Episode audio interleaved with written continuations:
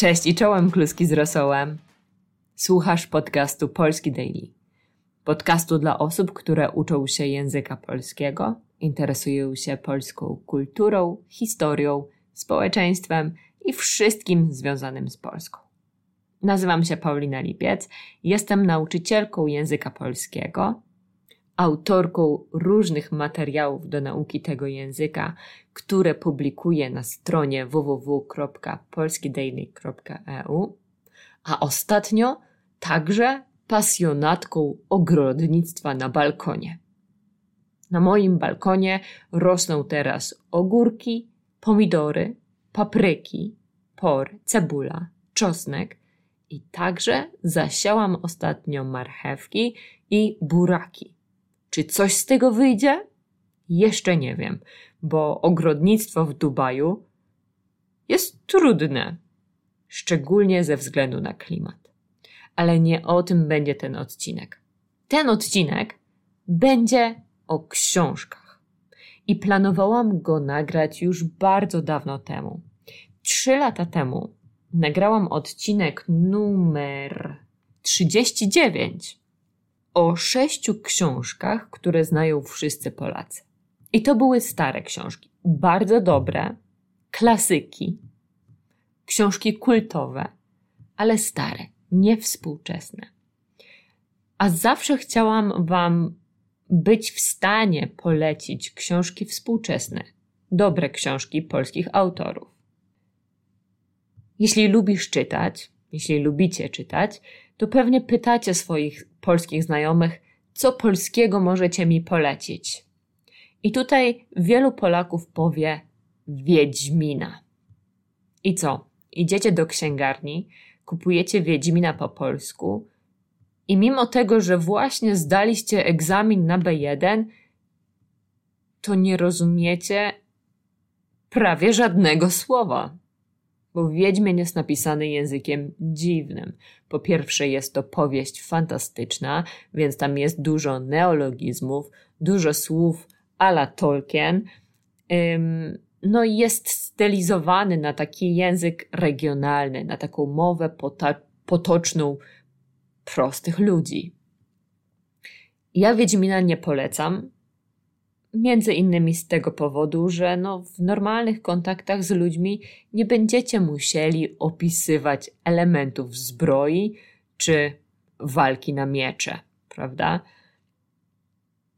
Ale jeśli lubicie fantastykę, to może być Wiedźmin. E, mogą być też książki Pili Piłka. Ale te książki nie są na mojej krótkiej liście na tej krótkiej liście nie znajdzie się też książka Tokarczuk. Olgi Tokarczuk, z której wielu Polaków jest dumnych, bo dostała kilka lat temu Nagrodę Nobla w dziedzinie literatury i oczywiście jest to wielkie osiągnięcie. Kiedy byłam studentką, kochałam Tokarczuk, bo od dawna jestem zakochana e, w realizmie magicznym, i te pierwsze książki Tokarczuk, na przykład Dom Dzienny, Dom Nocny, mają takie elementy oniryzmu, powiedzmy, realizmu magicznego również. Bardzo mi się wtedy podobały. Od tamtej pory mój gust się rozwinął i pisanie Tokarczuk też się rozwinęło. Według mnie stało się dużo bardziej inteligenckie, dużo bardziej filozoficzne i nie jestem pewna, czy to mi się podoba. No i na pewno nie są to książki, które, które są dobre do ćwiczenia języka polskiego na poziomie średnio zaawansowanym czy poziomie bardziej zaawansowanym jak B2. Oczywiście, jeśli chcecie czytać polskie książki po angielsku, to Tokarczuk ma tę zaletę i przewagę nad innymi autorami, że jej książki zostały przetłumaczone na wiele języków. Więc dostaniecie je bez problemu w wielu księgarniach. Nawet tutaj w Dubaju, w Dubai Mall, czyli w galerii dubajskiej, książka Tokarczuk stoi wyeksponowana na półce z innymi laureatami nagród literackich. Ja w ostatnich latach przeczytałam dwie książki Tokarczuk. Pierwsza to była Księgi Jakubowe i bardzo podobał mi się tam ten element opisu rzeczywistości w XIX wieku. To było fajne, ale w niektórych rozdziałach było dla mnie za dużo analizy, interpretacji, rozważań nad Bogiem żydowskim. Po prostu mnie to nie interesuje. Jeśli Ciebie interesuje, to prawdopodobnie ta książka Ci się spodoba. Ostatnia powieść Tokarczuk nazywa się Empuzjon i jak dla mnie uderzająco przypomina czarodziejską górę Tomasza Mana. Główny bohater jest młodym mężczyzną, który jedzie do sanatorium i tam spotyka ciekawych, dziwnych ludzi i bierze udział w różnych inteligentnych, intelektualnych dyskusjach. W tej książce jest wielu irytujących bohaterów, wielu mężczyzn, którzy nienawidzą kobiet, albo którzy uważają, że kobiety no, są gorsze od mężczyzn. Wielu z nas wie, że Tokarczuk absolutnie nie jest mężczyzną, który nienawidzi kobiet, wręcz przeciwnie. Prawa kobiet leżą jej na sercu, są dla niej ważne i chyba te dialogi, ci bohaterowie mają na celu jakby pokazać, jak kiedyś mężczyźni patrzyli na rolę kobiety w społeczeństwie, czy na, na zadania kobiety w społeczeństwie – ta książka nie zrobiła na mnie takiego wrażenia jak inne książki, które e, czytałam w ciągu ostatnich lat. A ja czytam dość dużo. Mogę powiedzieć, że jestem molem książkowym. Nie zawsze robię to z przyjemności. Zwykle robię to dlatego, że mam subskrypcję w aplikacji Legimi. Legimi powinno mi płacić, bo wszędzie ich promuję ale mam tą subskrypcję i tam jest sporo audiobooków po polsku.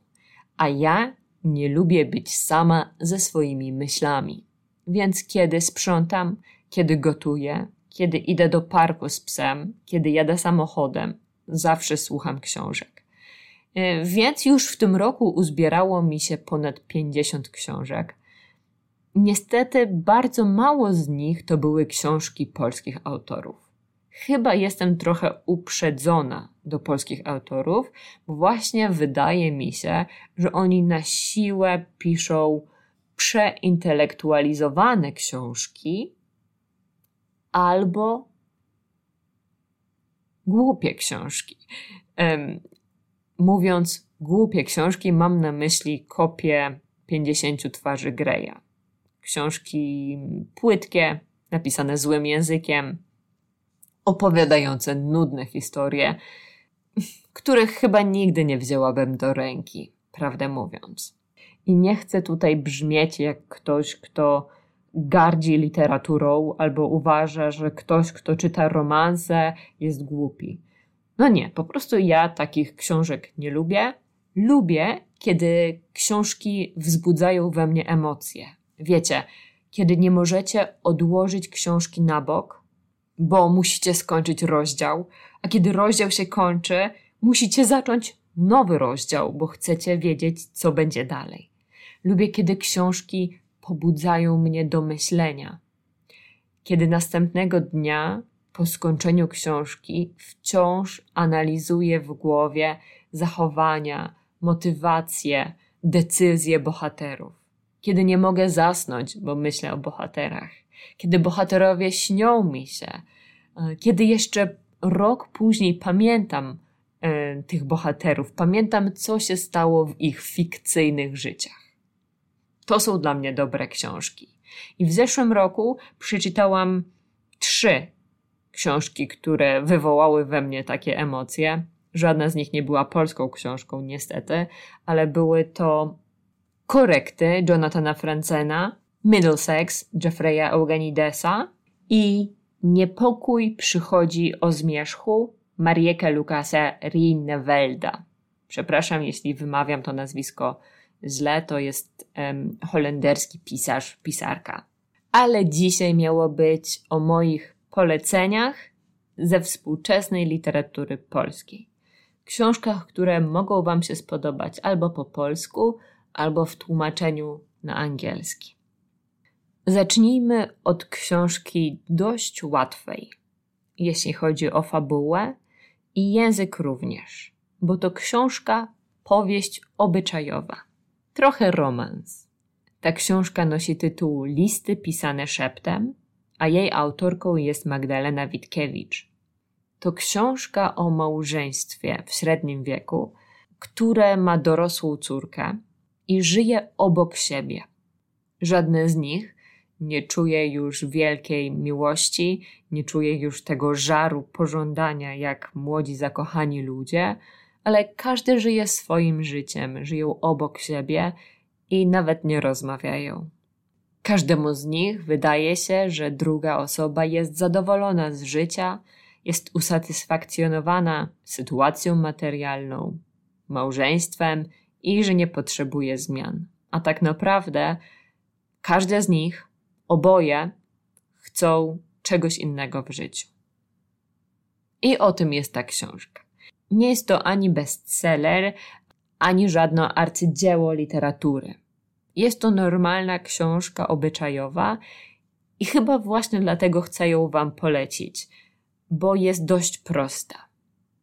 Być może znajdą się tam jakieś skomplikowane słowa, jakieś porównania, do których zrozumienia będziecie potrzebować słownika, ale generalnie wydaje mi się, że, że, przeczy, że przeczytacie ją bez większych problemów. Nie powiem, że jest to książka, o której się pamięta długo, ale do treningu języka może się nadawać. Inną książką obyczajową, może trochę psychologiczną, którą chcę Wam polecić, jest Dygot Jakuba Małeckiego. Na Legimi jest zaskakująco dużo książek Małeckiego, także w wersji audio, więc no nie mogłam nie spróbować. Szczerze mówiąc, nigdy wcześniej nie słyszałam o tym i byłam zaskoczona, że ma aż tak dużo książek. Przeczytałam trochę recenzji, weszłam na taki portal z recenzjami polskich i nie tylko książek, ale recenzje są po polsku. Nazywa się Lubimy czytać. I okazuje się, że książki Małeckiego są nie tylko popularne, ale też bardzo lubiane przez polskich czytelników. Pierwszą książką, którą włączyłam, której, której posłuchałam, było Święto Ognia. To jest powieść, której narratorką, główną narratorką, jest dwudziestoletnia dziewczyna z porażeniem mózgowym. To znaczy, kiedy się urodziła, do jej mózgu nie dotarło wystarczająco dużo tlenu, więc nie może się samodzielnie poruszać, nie może chodzić, um, siedzi na wózku i niewyraźnie mówi. I to właściwie był jedyny interesujący element tej książki. Zdecydowałam, że jej Wam nie polecę i że będę szukać następnej powieści, o której mogę opowiedzieć w podcaście. I wtedy na moim Facebooku pojawił się artykuł o tym, że Małecki dostał jakąś nagrodę literacką.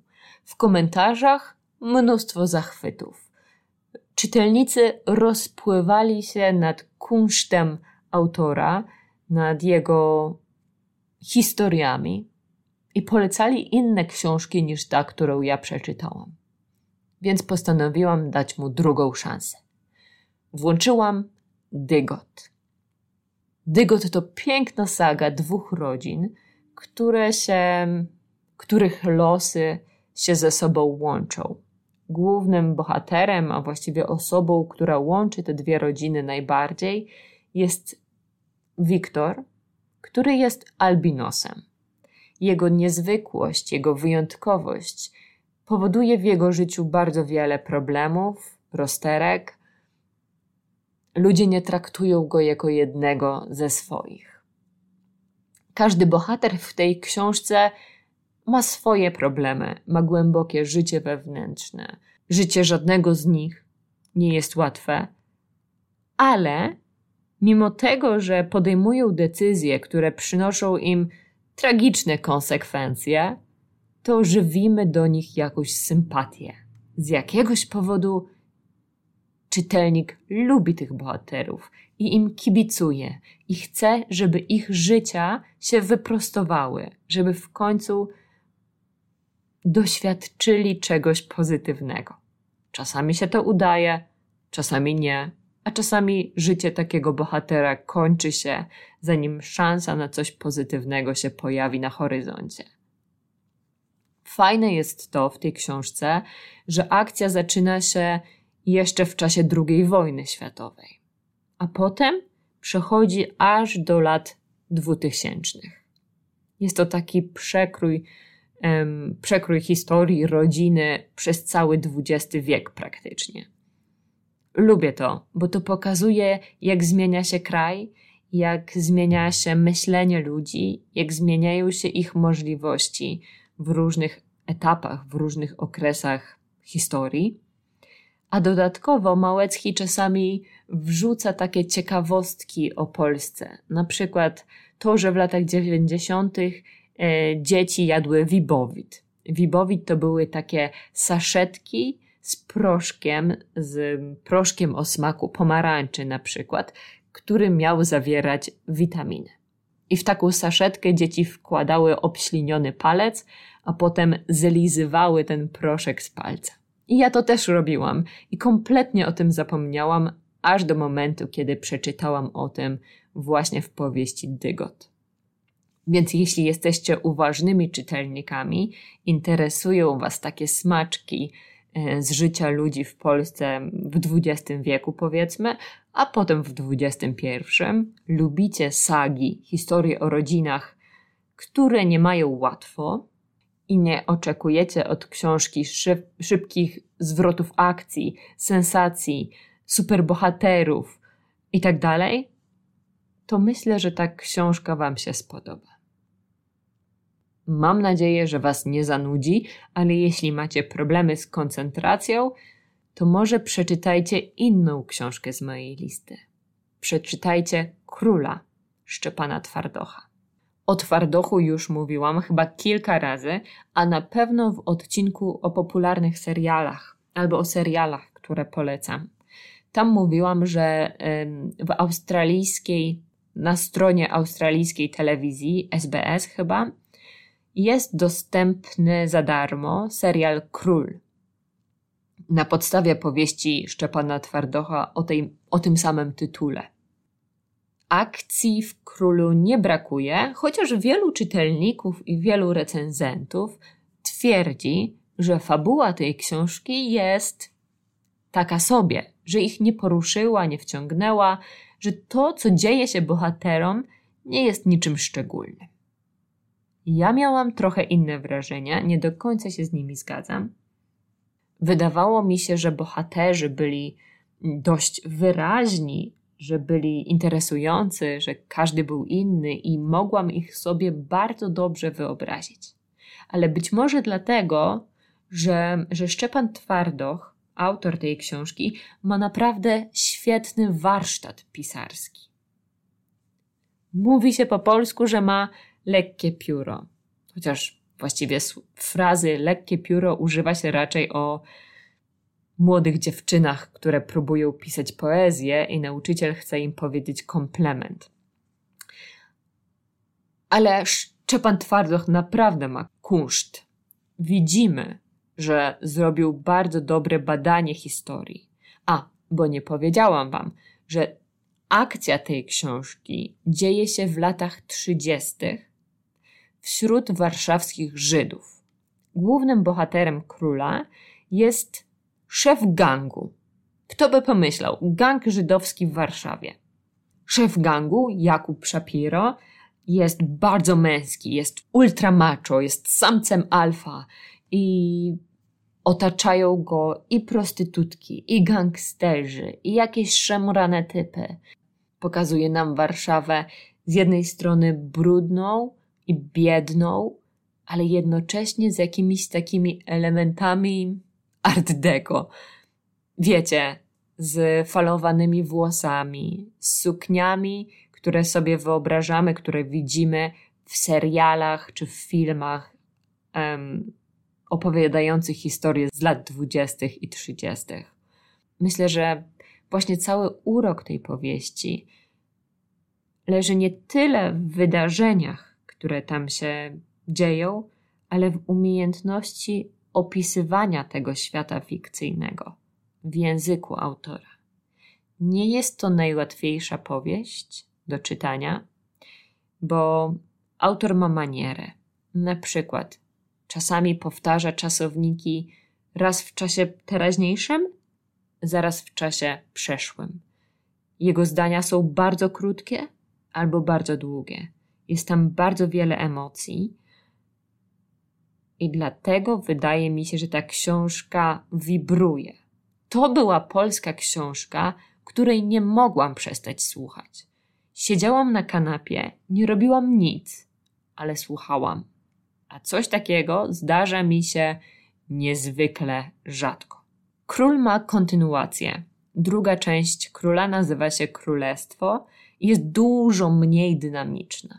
Język jest bardzo podobny, również piękny, yy, bardzo męski, ale jest inna.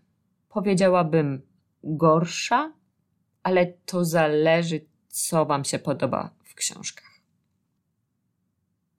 Czwarta książka, którą chcę Wam polecić, która również ma tłumaczenie na inne języki, bo i król, i właśnie Sońka Ignacego Karpowicza mają tłumaczenia. A, a propos autora, zauważyłam dziwną prawidłowość, dziwny fenomen, że bardzo wielu pisarzy, którzy odnoszą sukces w Polsce, męskich pisarzy, ma niecodzienne imię.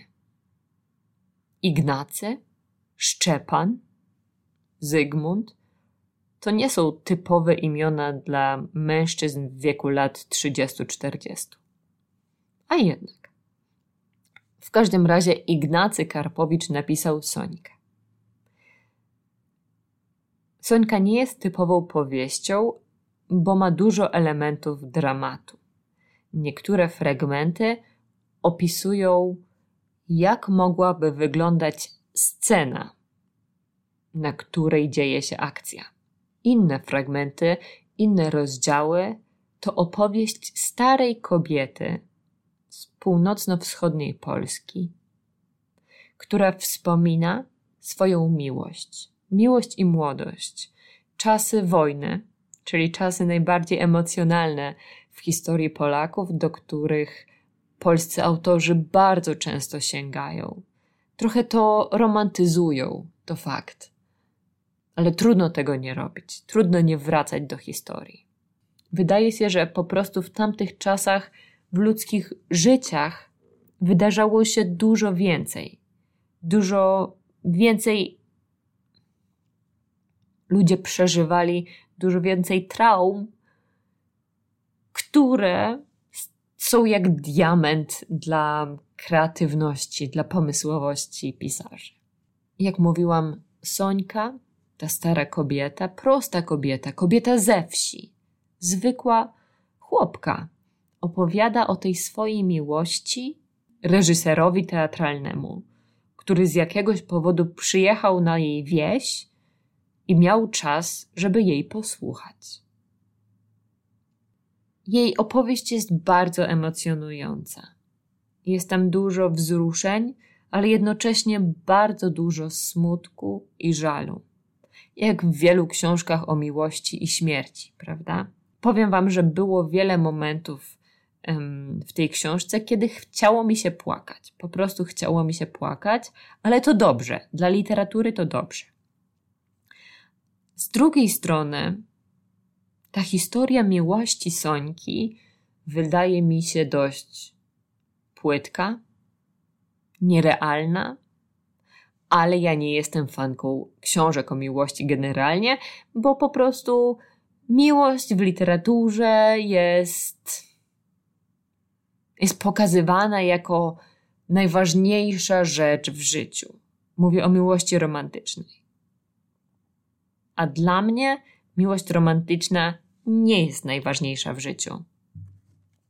I nie jest celem życia samym w sobie. Ponieważ Sońka jest zwykłą kobietą, zwykłą chłopką jej język również jest językiem chłopskim. Nie jest to łatwe dla obcokrajowców, którzy czytają po polsku, to na pewno. Powiedziałabym nawet, że jest bardzo trudne. Ja to rozumiem lepiej niż ktoś, kto wychował się w Warszawie, prawdopodobnie też dlatego, że chociaż pochodzę z miasteczka na wschodzie, to większość mojej rodziny jest ze wsi um, i u nas po prostu mówi się w taki sposób. Zmienia się troszkę gramatykę, są inne końcówki, jestem do tego przyzwyczajona. Wy prawdopodobnie mielibyście problem, ale mówię Wam o tej książce i tak, dlatego że według mnie jest dobrze napisana, jest dobrym reprezentantem polskiej literatury i jeśli macie szansę przeczytać ją w swoim języku, to bardzo polecam. Warto. Jest trochę inna, ale warto. Trzecia powieść, a właściwie trzy powieści, bo to trylogia, to opowieść kryminalna, której autorem jest Zygmunt Miłoszewski. Na tę trylogię składają się trzy książki: Ziarno Prawdy, Gniew i Uwikłanie, a bohaterem tych wszystkich książek jest Teodor Szacki, kolejne dziwne imię, który jest prokuratorem, bo jak już kiedyś Wam mówiłam, w Polsce śledztwa nie prowadzi żaden detektyw, w polskim sądzie czy w polskiej policji nie pracują detektywi, tylko prowadzi śledztwo prokurator, prokurator, czyli prawnik, we współpracy z inspektorem z policji. A więc nasz bohater jest prokuratorem. Akcja pierwszej książki dzieje się w Sandomierzu, o którym też Wam mówiłam, kiedy opowiadałam o różnych alternatywnych miejscach na krótkie wakacje w Polsce. Najwidoczniej wychodzi na to, że w Sandomierzu jest dużo przestępstw. Skoro i tak mają ojca Mateusza, który rozwiązuje wszystkie przestępstwa w Sandomierzu, to jeszcze do tego mają Teodora Szackiego. Jak dla mnie, te książki, książki Miłoszewskiego, są najbardziej dynamiczne ze wszystkich książek, które Wam dzisiaj polecam. No może dlatego, że są to kryminały po prostu i tam musi się coś dziać, musi być dynamicznie. Są tam też ciekawe wątki historyczne. Na przykład, jak w wielu polskich książkach, jest wątek polskich Żydów i stosunku Polaków do Żydów. Jest tam też wątek antysemityzmu, co też może być dosyć ciekawe.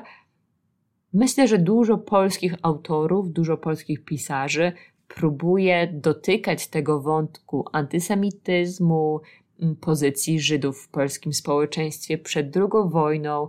Mamy może jakąś nostalgię do tego, może próbujemy się rozliczyć e, z tych relacji Polaków z Żydami. Nie wiem, dlaczego tak dużo o tym piszą. W każdym razie te trzy książki pochłonęłam w ciągu tygodnia.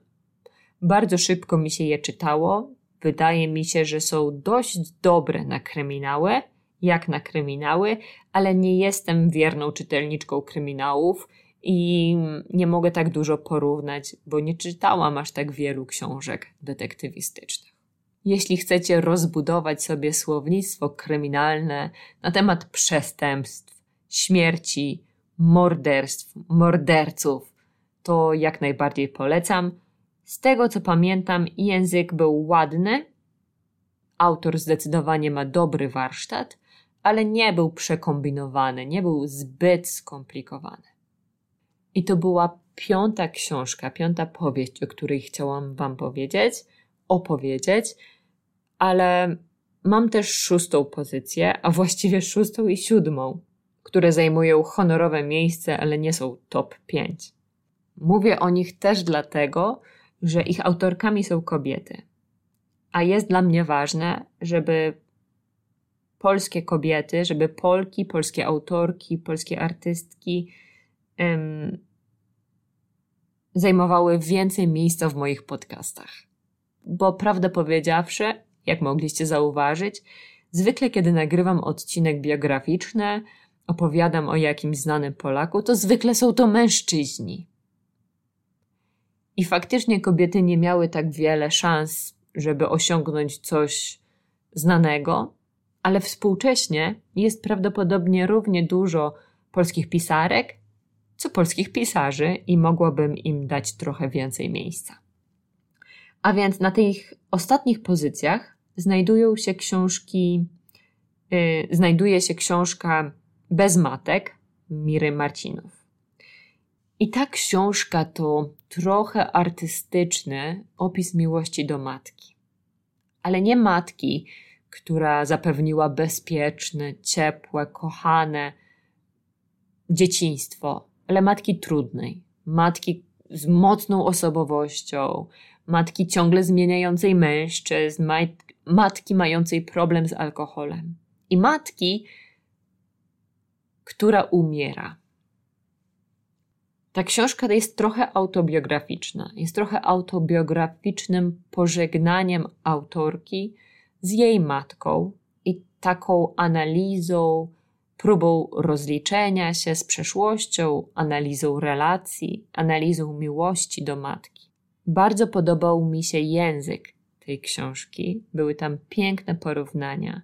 Książka jest niesamowicie smutna, ale jednocześnie zawiera fragmenty bardzo zabawne.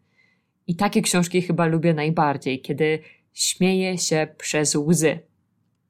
Czyta się ją momentami niekomfortowo. Praktycznie nie ma w niej dialogów. Jest opis, jest strumień świadomości. Czasami jedno zdanie zajmuje całą stronę. A więc dlaczego ją w ogóle polecam? Ze względu na język i ze względu na to, że tak wielu ludzi potrzebuje tej autoanalizy relacji z matką. Jeżeli należysz do takich ludzi, to może warto ją przeczytać. Bardzo podobny temat podejmuje Katarzyna Nosowska w książce pod tytułem Powrót do bambuko. Jeśli kojarzysz to nazwisko, to prawdopodobnie dlatego, że Nosowska jest jedną z najpopularniejszych polskich piosenkarek. Przez wiele lat śpiewała w zespole Hej.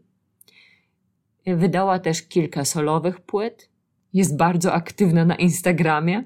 Opowiada tam o problemach kobiety w pewnym wieku, o problemach z otyłością, z małżeństwem, z alkoholem, o różnych problemach. Jest szczera, jest zabawna, jest dosadna, dosadna, czyli konkretna, jest po prostu fajną babką. Jeśli lubisz śledzić polskich celebrytów, nie idiotów, e, na Instagramie, to śledź Katarzynę Nosowską. Napisała kilka książek. Są to książki mm, trochę biograficzne, autobiograficzne, ale bardziej takie w formie felietonów. Nie opowiadają żadnej historii od początku do końca. Są to felietony na różne tematy, ale przede wszystkim na temat relacji z rodzicami. I znowu, nie z rodzicami, którzy dmuchają w żagle i pozwalają się dziecku rozwinąć, ale z takimi typowymi polskimi rodzicami, dla których nigdy nie jesteś wystarczająco dobry, którzy podcinają ci skrzydła, którzy nie wiedzą, czym jest pozytywna motywacja ale jest to też książka o wybaczaniu i pogodzeniu się z przeszłością. Jest bardzo zabawna, ale oczywiście, żeby zrozumieć komizm tych felietonów, musisz wytężyć umysł, skoncentrować się po polsku i być może przygotować sobie słownik. Plusem te, tej książki jest to, że każdy rozdział możesz czytać osobno. A wiadomo, jak masz krótszy tekst do czytania, to jesteś bardziej zmotywowany, żeby skończyć i zamknąć to, ten etap za sobą. I to wszystko w tym odcinku o książkach. Mam nadzieję, że zachęciłam Was trochę do czytania polskiej literatury. Jeśli przeczytacie którąś z tych książek, to koniecznie dajcie mi znać, co o nich myślicie. Czy poruszyły Was emocjonalnie? Czy skłoniły Was do refleksji? Czy dały Wam do myślenia? A może zanudziły Was? Może były beznadziejne i kompletnie nie wiecie, co ten autor chciał powiedzieć? Napiszcie do mnie na paulina małpapolskidaily.eu i śledźcie mnie na Instagramie Tam też możemy porozmawiać. I na koniec jeszcze kilka ogłoszeń. Po pierwsze, jeśli lubisz czytać i czytać po polsku, to prawdopodobnie od początku grudnia albo troszkę wcześniej ruszy klub czytelnika. Wybieramy jedną książkę, którą będziemy czytać, będziemy spotykać się raz na kilka tygodni i dyskutować rozdział po rozdziale o tej książce. Więcej informacji na pewno będę podawać na Instagramie i w mailu. Maile ode mnie dostają użytkownicy Polski Daily, więc jeśli jesteś zapisany, to na pewno dostaniesz inf- informacje na temat tego kursu, klubu. Poza tym w połowie listopada ruszą też nowe kursy dyskusyjne i generalne. Więc śledź moją stronę, śledź mnie na Instagramie i TikToku, żeby mieć wszystkie najświeższe informacje.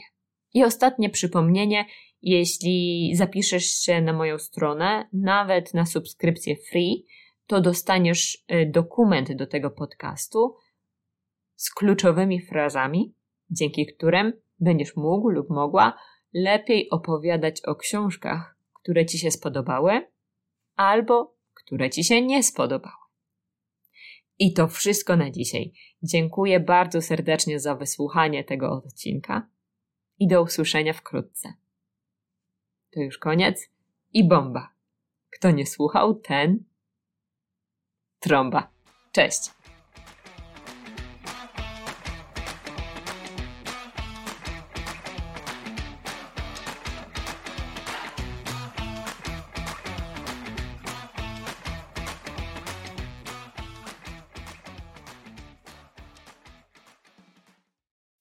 As humans, we're naturally driven by the search for better. But when it comes to hiring, the best way to search for a candidate isn't to search at all. Don't search, match with Indeed. When I was looking to hire someone, it was so slow and overwhelming. I wish I had used Indeed. If you need to hire, you need Indeed. Indeed is your matching and hiring platform with over 350 million global monthly visitors, according to Indeed data, and a matching engine that helps you find quality candidates fast. Ditch the busy work. Use Indeed for scheduling, screening, and messaging so you can connect with candidates faster. And Indeed doesn't just help you hire faster. 93% of employers agree Indeed delivers the highest quality matches compared to other job sites, according to a recent Indeed survey. And listeners of this show will get a $75 sponsored job credit to get your jobs more visibility at Indeed.com slash podcast. That's Indeed.com slash podcast. Terms and conditions apply. Lucky Land Casino asking people what's the weirdest place you've gotten lucky? Lucky? In line at the deli, I guess? Aha, in my dentist's office. More than once, actually. Do I have to say? Yes, you do. In the car before my kids' PTA meeting. Really? Yes. Excuse me, what's the weirdest place you've gotten lucky? I never win and tell. Well, there you have it. You can get lucky anywhere playing at LuckyLandSlots.com. Play for free right now. Are you feeling lucky? No purchase necessary. Void where prohibited by law. 18 plus. Terms and conditions apply. See website for details.